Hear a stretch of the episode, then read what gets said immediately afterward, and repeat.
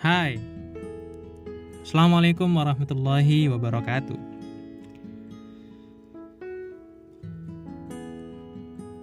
Selamat pagi teman-teman semua. Selamat mengawali weekend. Podcast ini dibuat di pagi Di hari Sabtu. Sembari gue menghabiskan weekend di sela-sela kesibukan gue. Oke, jadi pada episode kali ini kita mau ngomongin saham gorengan.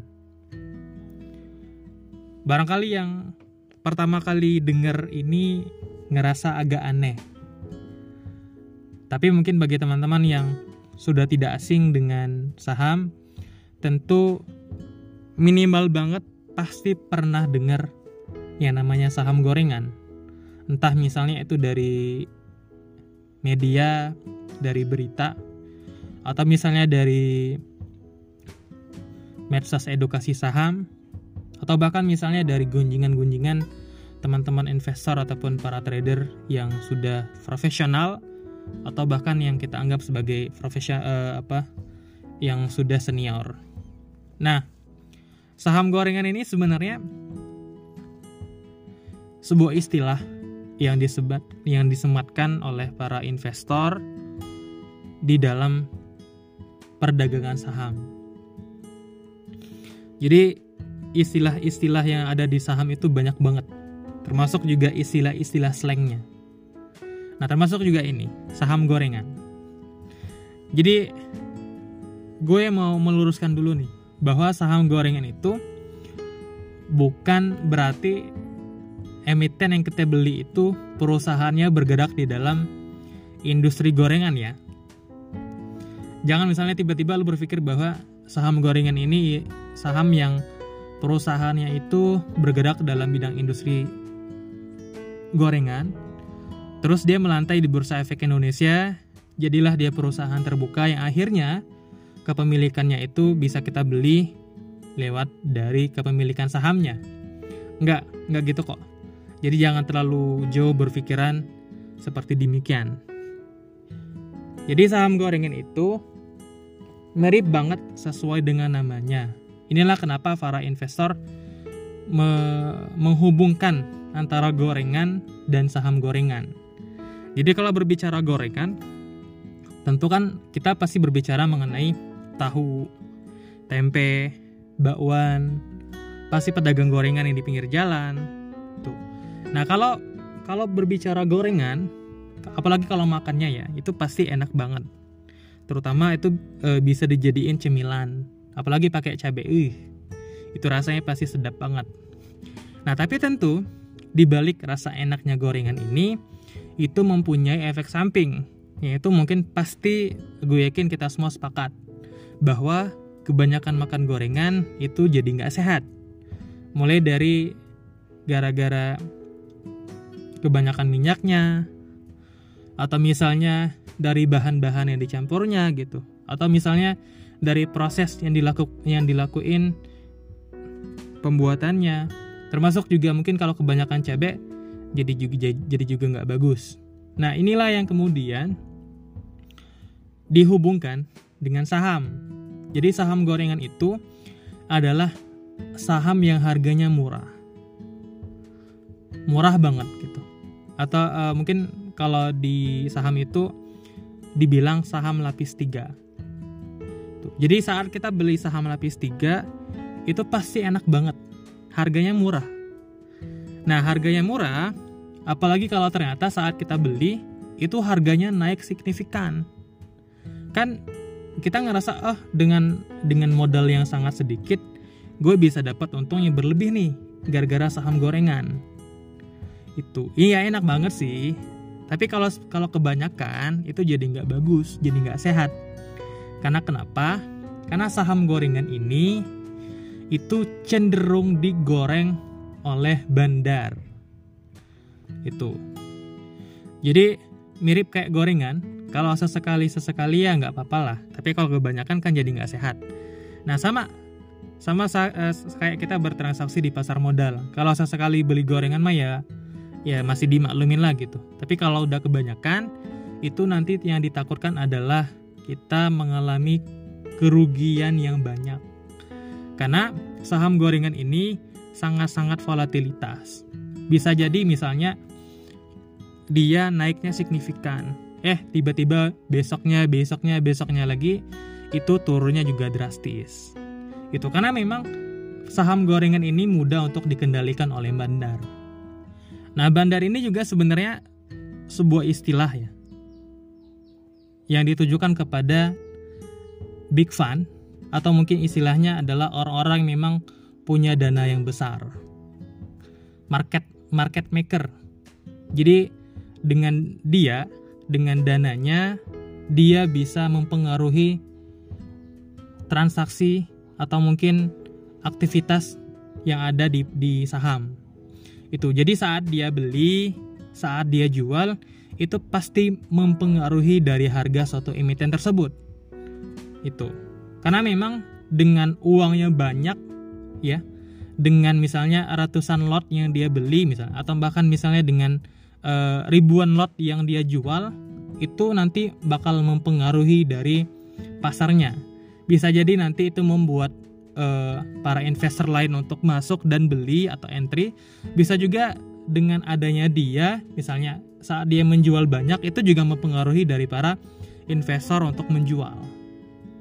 Nah, beberapa ciri-ciri saham gorengan itu adalah satu. Jadi satu itu adalah saham yang itu masuk ke dalam UMA. UMA itu singkatan dari Unusual Market Activity. Jadi saham ini itu bergeraknya tidak bisa diukur atau mungkin definisinya ekstrim kali ya.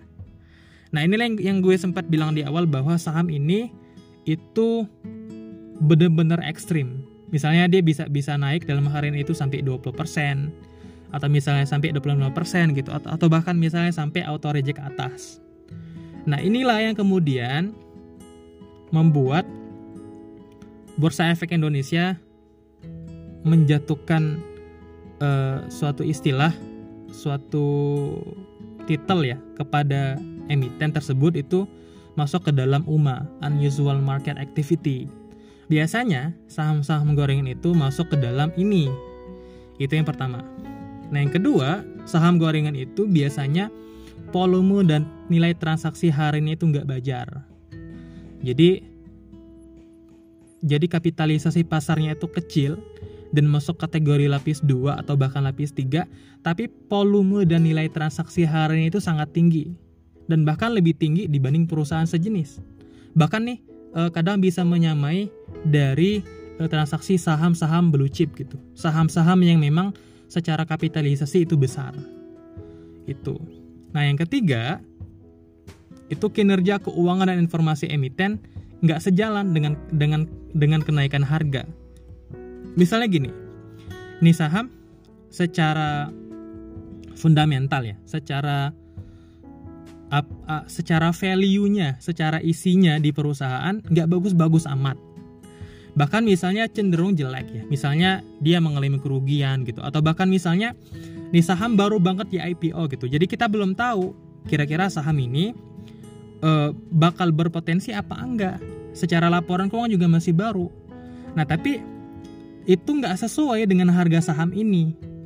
Itu itu kan jadi jadi kayak spekulasi banget ya bahwa ini yang mendasari dia naik itu apa? Kecuali ya dengan adanya bandar, dengan digoreng tadi. Jadi itu. Jadi saham gorengan itu saham yang kalau kita definisikan ulang adalah saham yang harganya murah. Terus secara fundamental nggak bagus-bagus amat, bahkan cenderung jelek. Tapi karena adanya peran bandar di sini, peran orang-orang market maker, akhirnya nih saham bahkan bisa naik harganya berkali-kali lipat dibanding sebelumnya. Nah, terus pertanyaannya, kira-kira kita sebagai investor itu boleh nggak kalau mau beli saham gorengan? Ya jawabannya itu terserah kepada kalian. Karena sejatinya yang bertanggung jawab atas apa-apa yang terjadi dengan segala hal di investasi saham itu kita pribadi. Jadi saat untung, saat-saat untung kita yang nanti bakal menanggungnya, pun saat rugi kita juga nanti yang bakal menanggungnya. Jadi bijak ya dalam mengambil keputusan. Oke boleh mungkin mendengarkan rekomendasi dari orang-orang atau bahkan oke juga boleh mendengarkan nasihat dari orang-orang gitu. Tapi lagi-lagi keputusan itu berada di dalam diri kita masing-masing. Orang lain saat kita untung nggak berhak untuk mendapatkan keuntungannya, termasuk juga mungkin saat kita rugi orang lain nggak berhak untuk kita salahkan saat kita merugi. Ya makanya segala hal sesuatu itu harus dilandasi dengan kebijaksanaan kita dalam memilih. Nah sekedar saran dan tips bagi lo yang mau uh, transaksi dengan saham gorengan ya menurut gue dicoba-coba aja. Tapi jangan sampai terlalu over atau bahkan misalnya semua portofolio lu itu isinya gorengan semua. Oke mungkin boleh satu dua emiten tapi jangan terlalu banyak-banyak. Jadi uh, usahakan portofolio itu diversifikasi ya jadi macam-macam emiten nggak cuma satu saham doang nah yang kedua Jangan lupa untuk terus memantau harga pergerakan sahamnya.